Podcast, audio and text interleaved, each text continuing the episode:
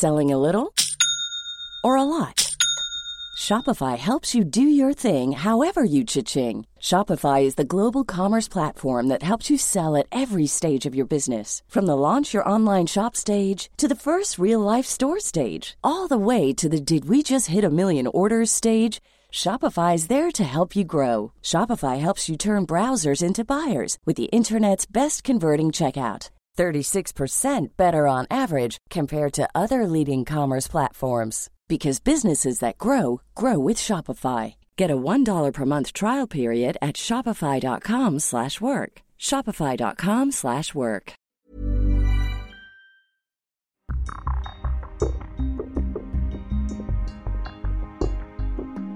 Jag vet inte om jag hade kunnat säga ett rakt ja till någon annan som vill visselblåsa.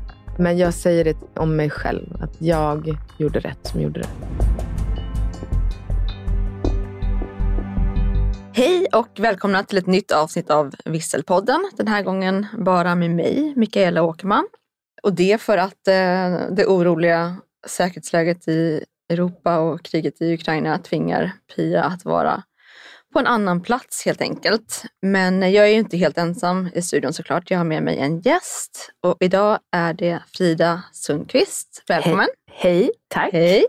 Och eh, det här kan vi meddela är tagning två, för vi har precis pratat i eh, härliga en timme och 20 minuter om eh, hela din historia mm. och visselblåsning i stort. Men tyvärr spelades inte det in. Nej, det är lite déjà vu nu. Vi ja. kör allt en gång till. och du som också kanske inte tycker det är jättekul att dra den här historien eh, i första taget. Men det är också, jag tror inte folk tycker det är så kul att lyssna, så nu får jag dra den två gånger för Precis. dig. Nu kör vi lite best of eh, ja. här. Men för att ge lite bakgrund Frida, du är journalist och du kommer senast eh, från Expressen där du var grävreporter. Mm. Du började där 2018 mm. och dessförinnan var du på Svenska Dagbladet. Yes. Och eh, där ska vi säga för transparensens skull att eh, jag också har arbetat då, samtidigt som dig, mm. även om det var på olika redaktioner. Mm.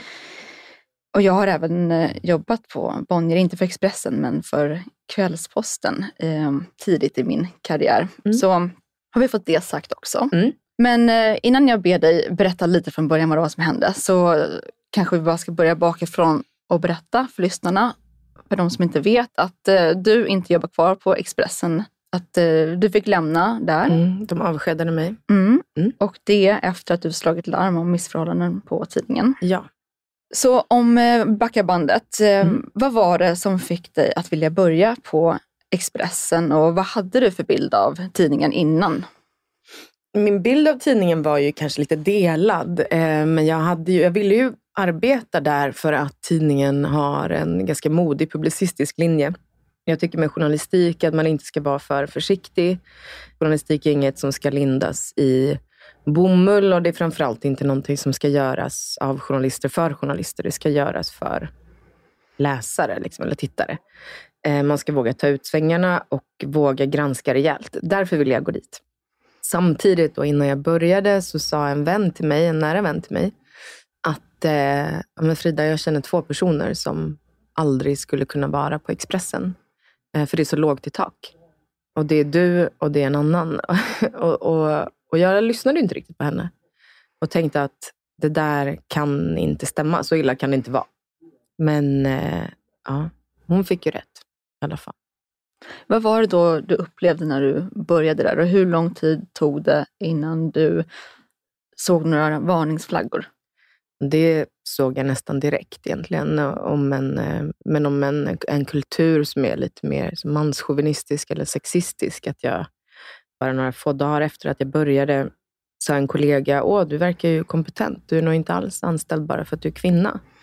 Eh, och det kändes som att man liksom transporteras två decennier tillbaka i tiden eller fem decennier tillbaka i tiden bara av att någon ens tänker så och att en redaktion överhuvudtaget då skulle eh, sprida, liksom, eller vad de nu har gjort internt, att eh, vi behöver få in en kvinna så vi tar vem som helst. Eh, och att det var lite den hatten jag fick när jag kom in, vilket är helt sjukt. Eh, sen tror inte jag att den höll i sig särskilt länge heller. Eh, men, eh, så då förstod jag ändå eh, ganska direkt att det här är en kultur som inte är modern, up to date. Den är inte den är inte bra för kvinnor framförallt kände jag. jag ville ju, när jag fick höra det så ville jag ju sluta på en gång. Mm. Det mm. tog två veckor när jag gick till min chef. Som, han lyssnade i alla fall när jag tog upp det. Men eh, det är nog eh, vanligt förekommande. När jag har sagt det till andra som, som då var mina kollegor så sa de bara så här, äh, det är inget att bry sig om. Det är bara sån han är. Och jag tycker jättemycket om honom också. Men det är fortfarande en kultur man, man är verksam inom som, eh, som uppmuntrar den sortens beteende och liksom sopar lite under mattan. Så tycker jag är lite anmärkningsvärt. Mm. Och vad, vad hände sen? Så du påtalade det här. Mm.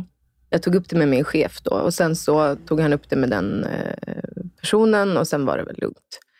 Eh, men jag insåg ju ändå, fortsatte att inse att den här kulturen på tidningen handlar om, alltså det är lågt i tak. Det är också inte helt, liksom, jag känner inte att allt, alla beslut som fattas är väl inte helt försvarbara. Så, men, men så jag har flaggat upp då under, eh, under flera års tid. Jag var där i fyra år, ska jag säga. Nästan fyra år. Så under många av de här åren, flera av de här åren, har jag flaggat upp om att kvinnor behandlas sämre än män. Jag har flaggat upp om att ehm, eh, kvinnor blir av med sin byline eller att eh, liksom, kvinnors nyheter nedvärderas eh, medan männen premieras på tidningen. Eh, och att det här till stor del... Liksom, jag, jag, jag har ju svårt att förstå varför. Då. Men, eh, så det har jag tagit upp i olika omgångar på olika sätt eh, sedan jag började. Och jag har väl aldrig fått någon eh, riktig återkoppling egentligen på det här. Och jag har heller inte fått någon... Eh, så jag har fått stöd från kollegor och från kvinnor som har berättat om de här sakerna. Och, eh, men jag har kanske inte riktigt fått... Nej, men jag har inte fått återkoppling från cheferna, liksom, fast man flaggar upp om diskrimineringsärenden faktiskt mot andra kvinnor. Så saknas återkoppling mm. helt enkelt. Och som jag har förstått det så ledde det fram till att du valde att lyfta några av problemen eh, öppet på ett stormöte. Kan mm. du säga någonting om det? Ja, absolut. Det var ett stormöte i november förra året. Vi flyttade oss tre år fram i tiden från det här. Men där jag då under flera månaders tid har reagerat väldigt kraftigt på publiceringar som tidningen har gjort. Men inte bara jag, även utifrån så har ju kritiken, eller var ju kritiken sylvass mot publiceringar om eh, man liksom intrång i privatlivet på en ung tjej, liksom en, eh, en, en gängkriminell vars eh, våldtäktshistorik försvann i artikeln medvetet och så vidare. Och jag känner en ganska stark oro då för att tidningen med det chefsledet som de har inte kunde fatta beslut som är alltså i publiceringar. För att det har liksom blivit delegerat från tidningens nya chefredaktör. Han flyttade ner beslutet långt ner i kedjorna, vilket han ju säkert får göra. Eh, och de som fattade besluten har en ganska problematisk historik på Expressen med eh, olika, ja, men, under flera års tid, liksom, som jag hade fått höra talas om. Eh, och då valde jag på det här stormötet i november att lyfta det och fråga, liksom, men de här, det här mot stormötet handlade, eller var ett nyhetsmöte, det handlade om, eh, om den här publiceringen om den gängkriminella. Då. Eh, och ställföreträdande ansvarig utgivare Karin Olsson var med av det skälet, för hon är inte med på nyhetsmöten annars. Och hon, alltså då ställde jag frågan, så, men är det så att de här så många liksom, beslut som vi har fattat om artiklar som har gått ut, liksom, är vi säkra på att den operativa ledningen eller operativa gruppen i redaktionsledningen som fattar beslut i de här frågorna, är vi säkra på att den har rätt sammansättning? Eh, det var min fråga. Mm. Baserat, och så tog jag upp exempel på vad, eh, både av liksom skyddande av eh, en person som inte betett sig bra och även ett misstänkt sexuellt övergrepp. Misstänkt, ett eventuellt sexuellt övergrepp kanske jag får säga det istället. Och det möttes ju med, liksom, eh, hon slog ifrån sig. Eh, och så. Sen efter det så var det ju jättemycket möten med HR och så vidare. Och jag tycker fortfarande att det här var rätt och rimligt att ta upp det internt. Eh, jag fick veta att eh, jättemånga mådde så himla dåligt och det var mitt fel, sa ju HR till mig. Personalavdelningen sa ju till mig att ja, det är du Frida som får folk att må så himla dåligt. Och i den här situationen när jag verkligen försöker förbättra och göra någonting som jag tycker är bra, också utsätta mig för att vara den som tar upp den här kritiken på det här sättet, så hamnar man... Eh, eh, när man hamnar i en, eh, i en situation där det blir jag som liksom drar på mig alltihopa. Jag, jag önskar att eh, ja, men jag, jag, är fortfarande stolt över att jag gjorde det. Eh, men det blev... Eh, liksom, att det var mitt fel enligt personalavdelningen att mina kollegor mådde dåligt. Och först nu efteråt så fattar jag att de mådde ju dåligt för att jag tog upp saker som påminde dem om vad de själva har varit utsatta för. Mm. Men personalavdelningen la över det på mig. Och, och jag var liksom inte tillräckligt eh, jag tror inte jag var tillräckligt stark då för att förstå det här liksom gaslightandet som pågår bara. Det är ditt fel Frida. Det är ditt fel att alla mår dåligt. Det är du som gör det här med Expressen. Det är du som skapar en situation som är där det finns oro. Du ska inte liksom... Så då var det många möten med HR och eh, ja, jag fick förklarat för mig att det var jag som var problemet. Mm. Hur gick dina tankar när du valde att ta ordet och ställa den här typen av frågor öppet? Alltså då hade jag ju uppbackning från andra på tidningen. Då var ju inte jag ensam. Det här var ju inget som jag kom på liksom, ensam att göra. Jag pratade med andra om det innan, eller kom på det ensam gjorde, men jag pratade med andra om det innan, som sen då när det blev blåsigt några dagar senare bara vände sig ifrån mig. Det kan jag tycka är svårt och jobbigt så här i efterhand, att eh, personer som backar upp mig och framförallt liksom backar upp principerna som jag tycker är de viktiga, man behandlar folk schysst. Liksom, du kan inte ha chefer med så problematisk historik och ge dem så mycket ansvar. Man kan göra det såklart, men när det sen bevisligen blir fel gång på gång, då måste man göra någonting åt det. Det tycker jag är viktiga principer att slåss för och eh, kämpa för. Och um, Att då se att så här, personer som har backat upp mig blir så pass rädda.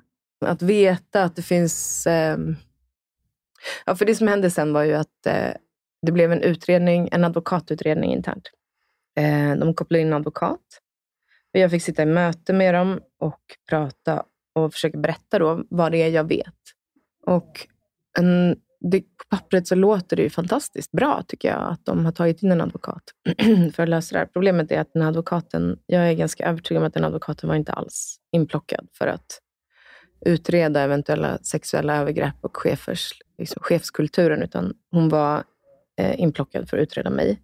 Så upplevde jag det i alla fall. För att det här mötet då om chefen, när jag la fram alla saker som jag vet, nästan alla saker som jag vet, ska jag säga, jag gav inte allt på en gång.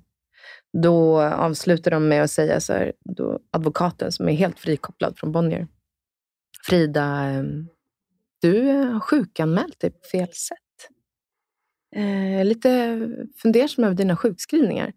Och det var, här var en måndag och då hade jag varit sjuk torsdag, fredag veckan innan för att jag var förkyld och meddelat det till HR och inte till min närmsta chef. Och då tar advokaten upp det, som alltså enbart ska vara inplockad för att granska chefsledet. Och då fattar jag ju så här, det här är ju inte, det här är ju inte, det här är ingen utredning där de ska förbättra arbetsmiljön. De tar inte de här sakerna som jag har tagit upp på allvar.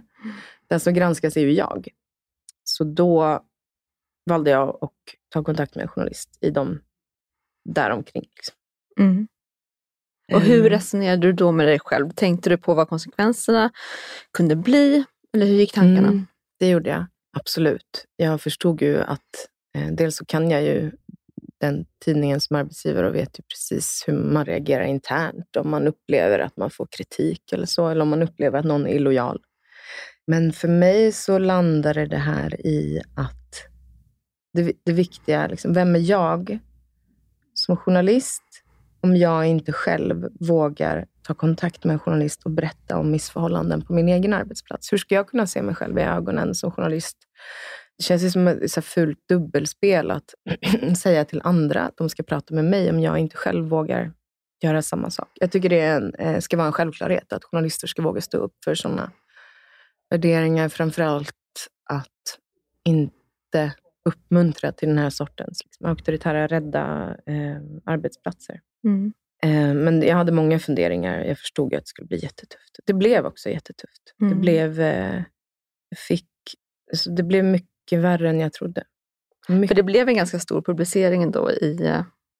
Ja, den första var jag ju anonym när jag gick ut och pratade. Men där förstod ändå kollegor att det var jag. Det var inte så svårt eftersom jag tog ordet på nyhetsmötet att förstå liksom, tidsmässigt två veckor senare eller vad det är. Att Eh, den som är anonym, en av anonyma ska jag säga, det var ju flera personer i den artikeln, var jag. Och då, det är så skrämmande att liksom stå vid sidan av, men vara så pass involverad i liksom, att, att mina kollegor... Jag hade en kollega som... Det var en extern krönikör som ringde in till tidningen.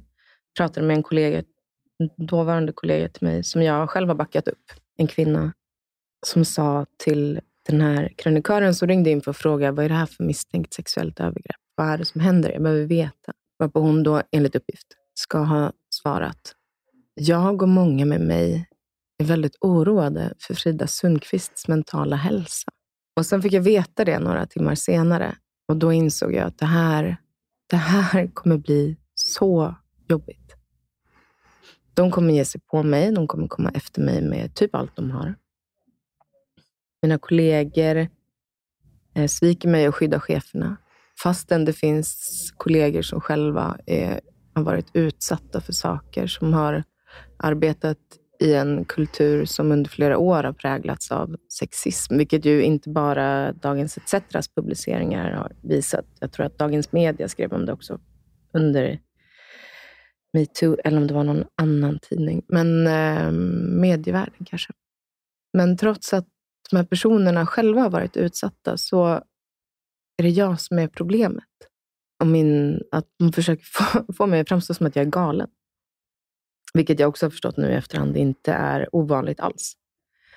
Um, när en organisation, eller som flocken, vänder sig mot utstö den utstötta. Och det var jag. Mm. Um, men det var väldigt jobbigt. då förstod jag att det här kommer bli... Då började jag verkligen må då började jag må dåligt istället. Att förstå alltså, hur ska jag som är ensam mot den här stora, uh, otroliga liksom, stora koncernen, hur ska jag kunna orka det här? Mm. Men sen så uh, blev jag inkallad till möte veckan efter och då hade de då fått reda på att jag uh, hade pratat med media. Uh, och de har, HR tog också upp att jag hade pratat med kollegor och bett dem prata med media kollegor som ju vet om missförhållanden internt, men som istället gick till cheferna. Vilket då arbetsrättsligt anses som illojalt eller uppviglande. Och för mig är det fortfarande så, men hur ska man då kunna förändra? Om jag inte ens kan uppmuntra personer internt att gå och prata med media för att få till en förändring som verkar så svår. Alltså hur ska man då någonsin kunna få till förändring?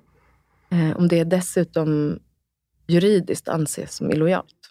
Eh, så HR eh, berättade för mig ett, ganska, ett ljudklipp som, eh, ja, eh, att vi vet att du har pratat med media och vi vet att du har pratat med kollegor. Och, dagen efter fick jag ett mejl att vi varslade om avsked.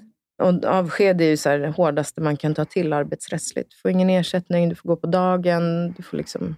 Ja, mm. så. Det var tungt som mm. fan. Men sen följer ju Dagens ETC upp den första publiceringen. Med, med en intervju med mig, ja. ja. Den, jag ringde reporten när jag fick mejlet eh, om avsked och så sa jag, nu har det här hänt och jag måste gå ut och prata om det här. Och mm. jag ska hålla i så att jag inte ångrar mig.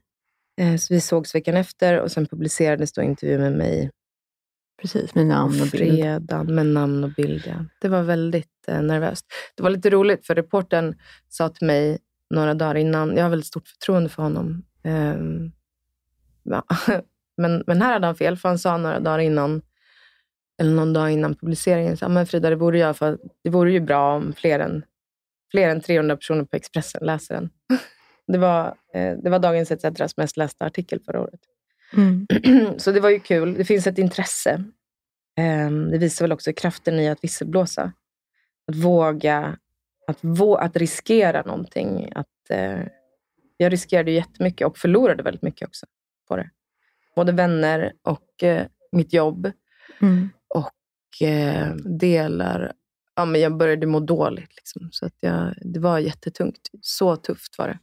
Så efter den intervjun blev det ju Mm. Då, då, förändrades det i alla fall. För då, jag, tror att, jag tror att Bonnier, som ju, det är Bonnier News HR-avdelning och inte Expressens HR-avdelning som sköter det, jag tror att de räknade med att jag skulle bli så pass rädd av att bli avskedad att jag skulle vara tyst. Det är så man upprätthåller en tystnadskultur, genom att slå hårdare och hårdare och hårdare hela tiden. Och att också snacka skit om den personen. Alltså så mycket skit som de har hittat på mig som jag har fått förklara i de fackliga förhandlingarna sen, det är ju... Ja, mm. jag orkar inte ens. Men, eh, Men det blev väl lite som att du lyfte på locket på något sätt. För att sen eh, var det fler som hade historier att berätta, mm. även om mm. det skedde anonymt. Kan du berätta? Ja. Ja, alltså, och det häftiga är också Dagens ETCetras liksom mediedramaturgiska upplägg på det här, som absolut inte var meningen eftersom ingen trodde att jag skulle avskedas, var ju att på fredagen 15 december, tror jag, nej, jag är faktiskt inte säker, nej 15 blev jag avskedad, eh, så det måste väl ha varit den tionde. Tionde, Nobelprisdagen, mm. när eh, Nobelpriset, fredspriset gick till journalister. Ju. Då blev jag avskedad. Eller då gick artikeln ut. Eh, fantastisk eh, timing. Och sen efter det så började Expressen eh, eh, komma efter mig och kalla mig för ett långdraget personalärende. Långdraget flerårigt personalärende. De tog i så mycket så att det gjorde ont faktiskt. Det gjorde jätteont eh, och var väldigt jobbigt. Och det de inte förstod tror jag på Expressen och Bonnier var ju att under den här tiden när de drog mig i smutsen så höll Dagens ETC på med sin stora publicering som jag inte visste. Jag fick aldrig veta om den skulle komma eller inte. Först precis innan, eh, någon, någon timme knappt. Så de liksom sa, det är hon som är problemet. Hon är det långdragna personalärendet. Det är hon som är allt vad jag nu var. Och sen så, torsdagen veckan efter tror jag, så kommer en, en, eh, en stor granskning i Dagens ETC med, där man pratar med 40 personer. Och flera av dem berättar om fruktansvärda upplevelser från Expressen. Så, som också bekräftar mycket av min bild av den tidningen och hur man beter sig och behandlar kvinnor, behandlar inte bara kvinnor. Jag, tror, jag vet inte om det bara handlar om kvinnor. Jag tror att det handlar om att man slår på de som man anser är svagare. Så typisk mobbing. Eh, och så. Och det var ju ändå en ljusglimt för mig som ändå hade haft det lite tufft då. Eh, att, att det är jag som är problemet. Liksom. Mm. Och, eh, och så kommer den här granskningen som visar att det var det var inte jag. Det var inte jag som var problemet. Då får ju Expressen också ett väldigt stort problem i hur de ska hantera. Eh, att de hela tiden har sagt att det är bara jag som är problemet. Så visar det sig att det var flera andra. De har ju hanterat det på, ja, jag vet inte hur de gör. Det de har sagt är väl att de har väl efteråt gått ut och erkänt att det har funnits uppgifter om sexuella trakasserier internt. Facket har väl sagt det. De ska göra en, ehm, en utökad medarbetarenkät för att fånga upp alltså vad folk har varit med om förut. och så. Men jag vet inte. Jag hoppas att eh, ledningen har medarbetarnas tillit. Jag hade väl varit lite skeptisk till att delta i en sån undersökning kan jag tänka. Efter det här, när alla vet vad jag blev utsatt för. Mm. Kunde du samtidigt som du blev glad över att andra pratade också känna en frustration över att ingen hade sagt någonting tidigare? Ehm, att då kanske du hade sluppit gå igenom det du gick igenom? Mm. Det kände jag väldigt mycket. Flera gånger. Kände en, eh, en frustration av att eh, liksom systemet är så här nästan. Att, eh, varför har ingen pratat? Liksom? Samtidigt så tänker jag att eh, det är bra att jag pratar, för jag gör det ju för att nästa person, om det kommer en nästa person, ska ha någon annan att falla tillbaka på. Den personen kan ju falla tillbaka på det som jag har gjort. Sannolikheten att något Bonnier-företag avskedar en visselblåsare inom en ja, överskådlig framtid är väl noll, skulle jag säga. Så mycket, man föränd, jag förändrade det, det vet jag. Det tycker jag är bra. Mm. Vi har pratat en del om vad det är som gör att någon blir en visselblåsare, vad det är för egenskaper och så vidare. Vad tror du det är hos dig som gjorde att du blev en sån person som sa ifrån? Jag, jag tror att jag egentligen alltid har varit lite så. Det ligger i din natur på något sätt, ja. eller? Mm. Eh, ja, det skulle jag säga. Jag är inte så rädd av mig. Man ska inte vara så rädd av sig. Framförallt inte som journalist. Journalistiken går igenom som förtroendekris nu. Från, och liksom många kända profiler som skapar sina egna kanaler istället för att gå till etablerade medier och tjäna sina egna pengar istället. Och eh, den här Swish-journalistiken också. Det finns ju ganska stora problem liksom, med förtroendet för medierna. Men jag tror att det kommer bara fortsätta om medier inte blir lite mer rakryggade.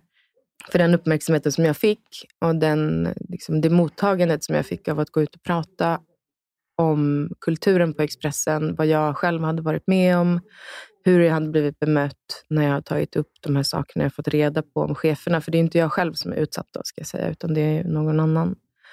Alltså det bemötandet som jag fick och mottagandet tyder, det visar så tydligt att folk är inte vana vid att journalister står upp för någonting. Det finns inte journalister som står upp för principer, utan man står upp för företag. Eller man står upp för, eh, ja, knappt ens det. Ehm, det tror jag behövs mer av. Alltså modigare journalister som vågar. Så det ligger väl kanske lite i yrkets natur också, att våga gå mm. ut och mm. vissla, tror jag. Även mm. om inte alla skulle göra det. framförallt tror jag väl inte... Nej, men det är ju ingen som har gjort det på... Det är få inom Bonnier överhuvudtaget som har gjort det, tror jag. Och sen behöver vi inte gå igenom kanske alla detaljer um, kring de uh, fackliga förhandlingarna, men, men det blev i alla fall sådana. Mm. Um, och de var ganska segdragna. Men ja, var... Uttömmande, uttröttande. jag känner mig helt manglad, urtvättad, liksom, urvriden. För då lägger ju Expressen och Bonnier fram allt, som, allt, allt dåligt jag har gjort och liksom förstorar saker som bara är helt vanliga saker som händer på en redaktion. Eh, och Det ska jag försvara mig mot igen. Liksom. Så det handlar ju aldrig om att de...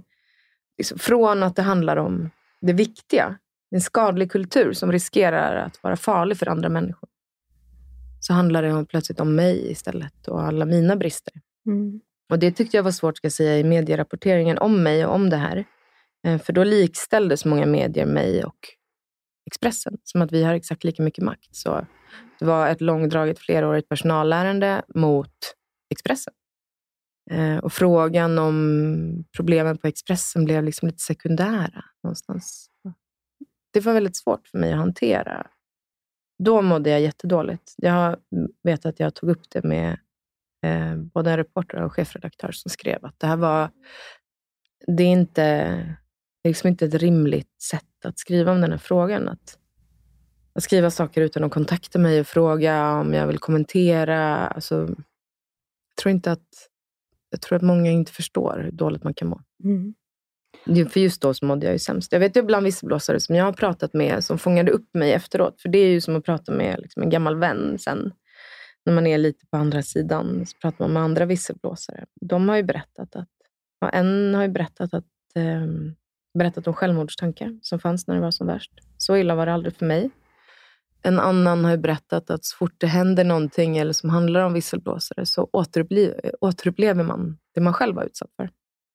Den där kränkningen och liksom hånet och liksom ur, utskiljningen från flocken. Det är dig det är fel på. Man upplever det där igen.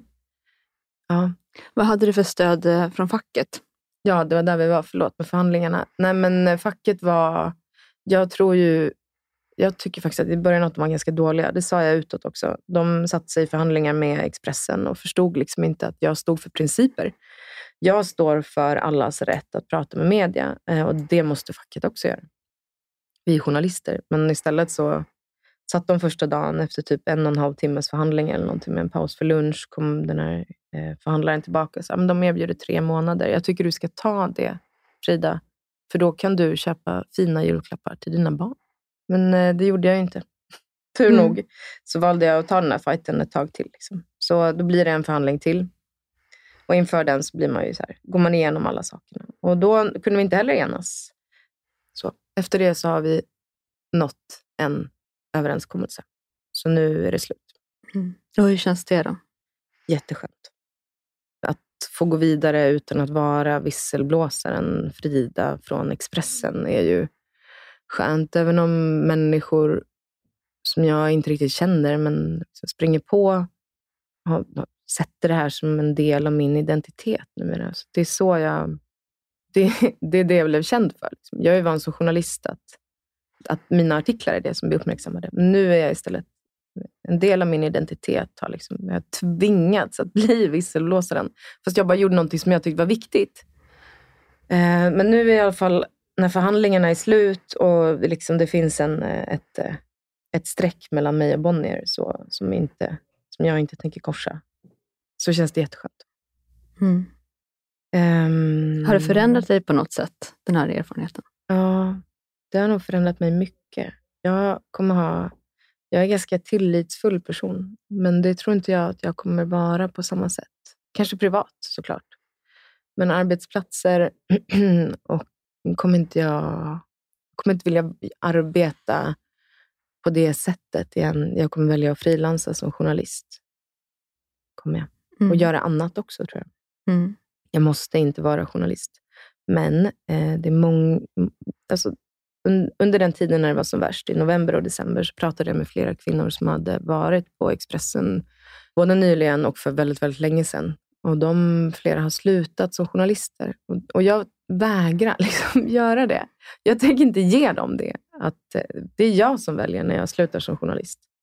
Men att ta mig upp ur den här liksom gropen som jag har fastnat i, det är jättejobbigt. Att eh, våga skriva igen, våga utsätta mig för, för liksom, läsarnas blick. Vad kommer jag vara förknippad med? Vad händer om jag skriver en artikel de tycker är dålig? Kommer det då handla om att det var rätt av Expressen att avskeda henne för hon är dålig? alla de här sidorna hos mig som är lite osäkra, som är bra när man granskar, de förstärks ju nu. Mm. när jag ska försöka hitta tillbaka till det som jag är bra på och tycker om. Mm. Ehm, jag vill inte låta dem vinna, men jag är övertygad om att de inte skulle ha något problem med om jag bara försvann som journalist och började göra något annat. Så har ju de flesta andra gjort. Men jag. Så ja, jag har förändrats. Alltså jag blev så bränd av personer som jag litade på, som satte knivar i ryggen på mig. Helt, alltså personer som utger sig för att vara feminister eller som utger sig för att vara principfasta.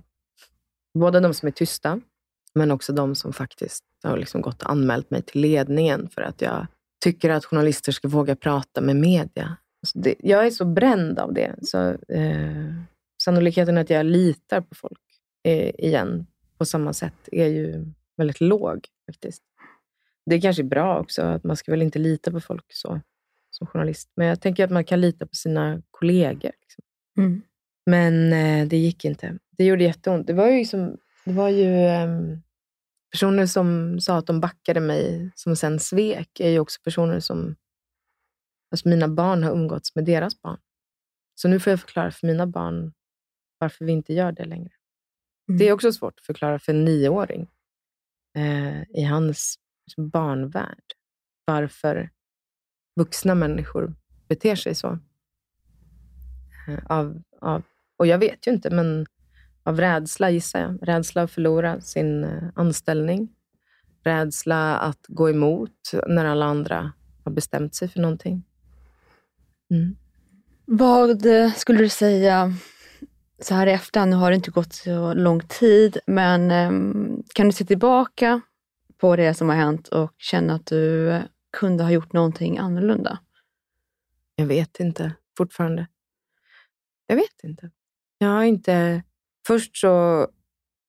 Jag har liksom inte kommit så långt i min process än att jag vet om jag, vad jag skulle ha gjort annorlunda. Skulle uppenbarligen inte litat på, mm. på fel personer, då, men om vi säger så här, gjorde du några rätt? Eh, liksom, har du några tips som du kan ge till eh, andra som funderar på att visselblåsa? Ja, det är jätteviktigt här, att skärmdumpa allt. Man vet ju aldrig när man inte längre får tillgång till sina system. Skärmdumpa allt på en, en, liksom en annan telefon än din jobbtelefon. Spela in alla samtal. Lita inte på någon. Och ta hand om dig. Alltså det, det är jättesvårt att förklara hur jobbigt det är att vara visselblåsare. Hur jobbigt det är att vara, att, det, att bli den som... Man blir som en, en individ som det pratas om istället för att man pratar om sakfrågan. Det tror jag man har sett med många visselblåsare, att, att liksom man minns visselblåsaren, men man kanske inte minns exakt vad det handlade om. Det hoppas jag att, man, att jag kan komma ifrån sen. Att, inte bli förknippad med det där, för jag vill verkligen bara vidare. Det är ju inte så att jag... Det är inte så att visselblåsare var mitt drömyrke. Det var ju journalist som var det. Mm. Och eh, Jag är stolt att jag gjorde det fortfarande, men jag önskar att jag kan... Jag tror att om kanske ett halvår så kommer jag känna mycket mer stolthet. För att då har jag hunnit bearbeta alla de andra känslorna.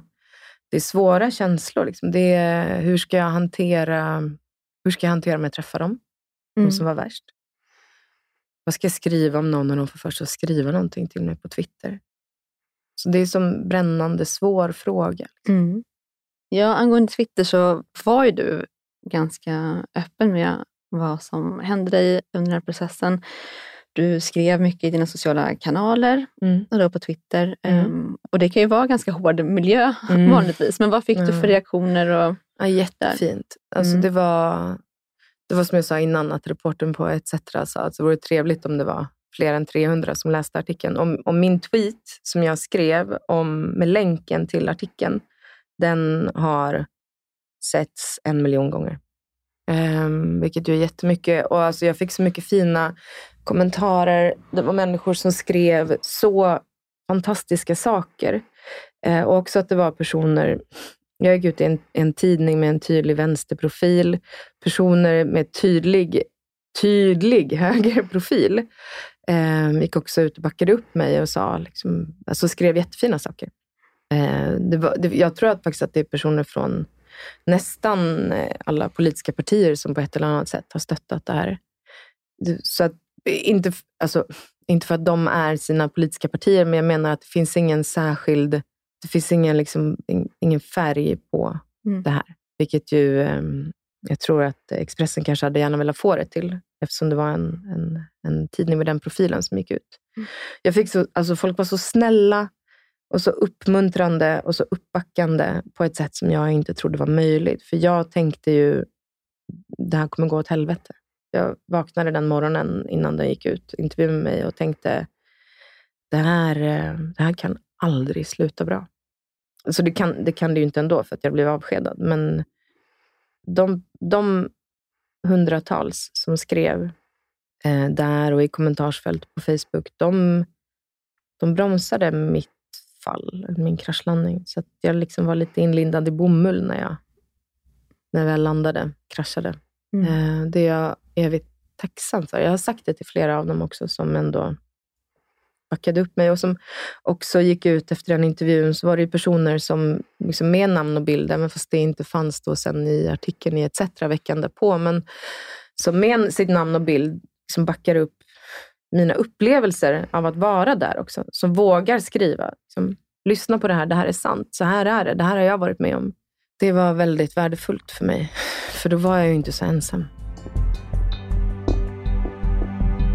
Och du och jag har ju pratat en del om att um, man gärna vill uppmuntra andra att slå larm mm. och, uh, och vara en uh, visselblåsare. Mm. Men att uh, när man då, som jag, har pratat med många visselblåsare eller som du själv har gått igenom hur det kan vara att vara mm. en visselblåsare, så blir det inte lika lätt att bara säga till någon att det är självklart att slå larm. Berätta Nej. lite hur du tänker kring det.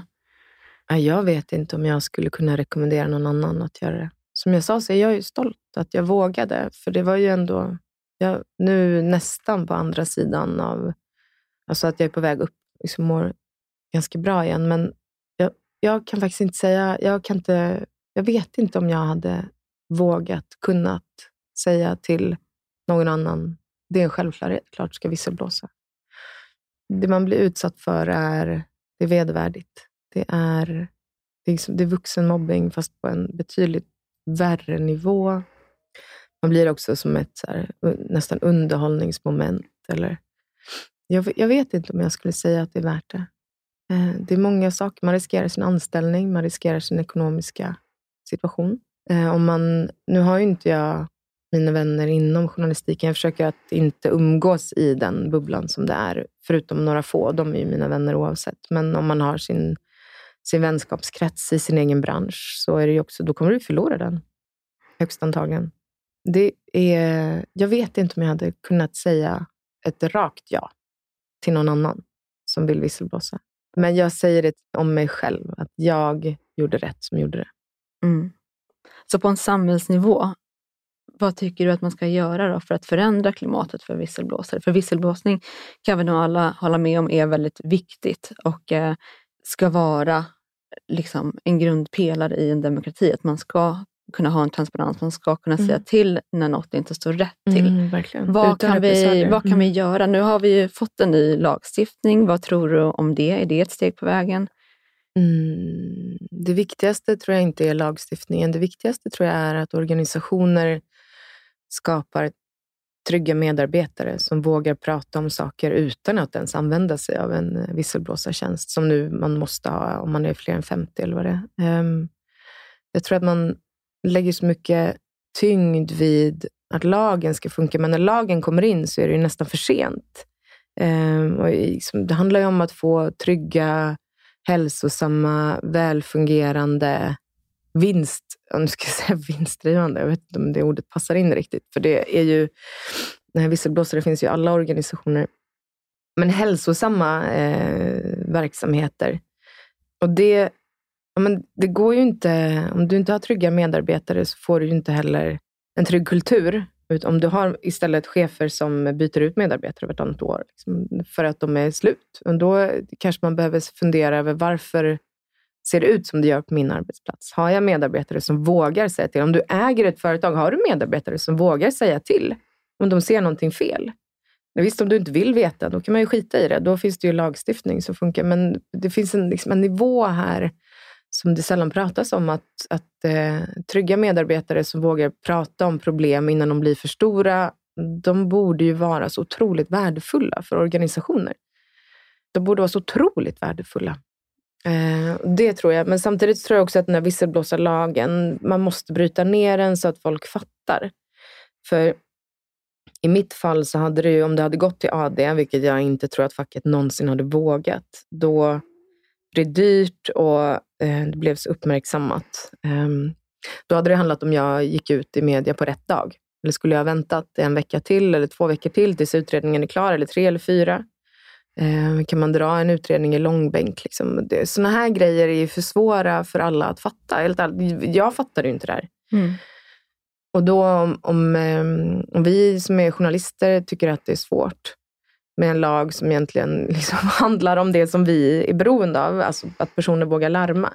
Hur ska då en person som kanske inte kan svenska, som jobbar som vårdbiträde inom äldrevården eller demensvården kunna visselblåsa? Alltså, hur ska man våga göra det om du samtidigt kanske har tagit del av att Expressen, när någon visselblåser om dem, så går Expressen ut och kallar den personen för långdraget flerårigt personalärende. Alltså, det är kontraproduktivt för vår bransch. Mm.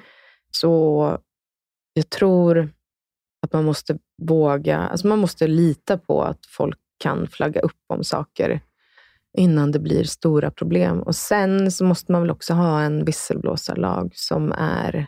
Alltså det, som den är nu så måste man gå till Arbetsdomstolen eh, och eh, då kan ju, finns ju risk att, att facket är, sitter i knät på arbetsgivaren.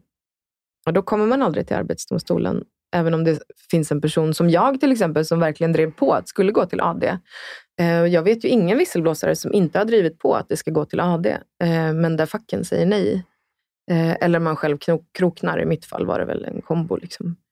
Men det måste finnas, det borde finnas någon form av ventil i det här systemet. En säkerhetsventil som gör att om det finns något fel som har begåtts, och liksom, men det inte går till AD, så borde man kanske ändå det kanske borde ligga under allmänt åtal. Det kommer in en oberoende åklagare, alltså, eller någon oberoende som kan granska det. För att om inte det hotet finns för arbetsgivarna och de vet att det räcker med att vara vän med facket för att slippa det här, men då har du ett jättestort demokratiskt problem i Sverige. om Då, då sätter du liksom visselblåsarlagen ur spel för att den svenska modellen där fack och arbetsgivare kommer överens eh, plötsligt har blivit korrupt. Mm.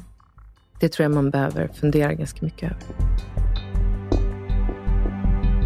Ja, någonting eh, annat som vi har pratat en del om eh, i den här podden eh, tidigare, det är ju hur man kan förbereda sig på att vara en visselblåsare. För att många, precis som du har sagt, såg inte sig själva som en visselblåsare förrän de liksom var det Nej, på något sätt. Precis. Eh, och då är det ibland också svårt att förbereda sig eh, på vad det kan innebära. Men mm. eh, vad skulle du, om du vill liksom sammanfattningsvis liksom skicka något budskap, både till arbetsgivare och till arbetstagare, vad skulle du liksom säga till dem då? Oj, ta hand om era medarbetare och ställ krav som arbetstagare. Ja, svårt. Jag vet inte. Mm. Men äh, våga lyssna, tror jag. Det var ingen som lyssnade på mig. Det är ingen som är internt som heller har lyssnat på de andra. Och, och då plötsligt så kanske det dyker upp någon som jag som verkligen inte har förmågan att ge upp. Jag saknar förmågan att ge upp när jag är övertygad om att jag har rätt. Jättebra i jobbet och också kanske jättebra i det här, men det vore väl bra för de flesta företag om de slapp hamna där Expressen hamnade. För det hade varit så enkelt för dem att bara lyssna. Mm. Det hade varit så otroligt enkelt för dem att ta det jag sa på allvar. Att faktiskt förstå att det finns ett kulturellt alltså ett problem med organisationskulturen på den tidningen, vilket ju även liksom var känt inom Bonnier eh, ganska länge. Alltså att ta det här på allvar och våga förändra. Men förändringsobenägna organisationer, jag gissar också att det är där, helt utan att veta, men mm. förändringsobenägna organisationer, alltså som inte kan förändra strukturen högst upp, de skulle jag tro är de som är mest i mest behov av, störst behov av visselblåsare. Tror jag. Mm. Tänk hur mycket som hade kunnat vara så mycket bättre om det hade funnits stöd för visselblåsare. Tänk vad vi hade kunnat göra om vi visste redan tidigt under pandemin från liksom de här vårdbeträdena på demensboendena hur illa det var och inte att det dröjde flera månader eller flera veckor innan det kom ut. Tänk om vi hade haft eh, visselblåsare inom försvaret nu. Tänk om vi hade haft fler visselblåsare inom polisen eller inom myndigheter. Inom, det hade gjort så så mycket för, eh, för Sverige. Jag tror inte vi har den. Vi liksom håller på att gå ifrån kulturen att man ska våga prata till ett mer tyst samhälle. En tystnadskultur som råder. Och det märkte jag ju på, den, på de reaktionerna jag fick. Folk mm. är inte vana vid att någon går ut och säger ifrån. Att stå upp för principer, det är, det är något främmande. Eh, eftersom alla blev så förvånade. Det gjorde mig lite ledsen och lite glad att jag ändå vågade göra det och fick ett så fint mottagande. Men också lite ledsamt att vi har hamnat där idag. Mm. Där vi inte vågar prata om saker som skaver. Mm. Om vi ska avsluta liksom med en positiv känsla här, då, för det är lätt att fokusera på det, det tunga och svåra ja, med att visselblåsa. Oh, för det shit. finns många sådana baksidor, det, alltså det ska vi ju vara ärliga med. Men eh, om du ska säga någonting positivt med att att ha varit en visselblåsare? Vad är det bästa med att vara visselblåsare? Jag är jättestolt över mig själv, att jag vågade. Att jag kom över så många hinder, eh, att jag vågade göra det utan särskilt mycket stöd. Att jag stod upp för det jag tror på. Det ska man inte underskatta. Det tycker jag får bli slutordet. Tack snälla Frida. I denna för, andra vända. för att du ville komma hit och prata med mig två gånger på samma dag. Ja. och eh, tack till alla er som har lyssnat. Eh, länkar till eh, våra sociala kanaler och hemsidor och annat finns i avsnittsbeskrivningen. Och eh, på återseende.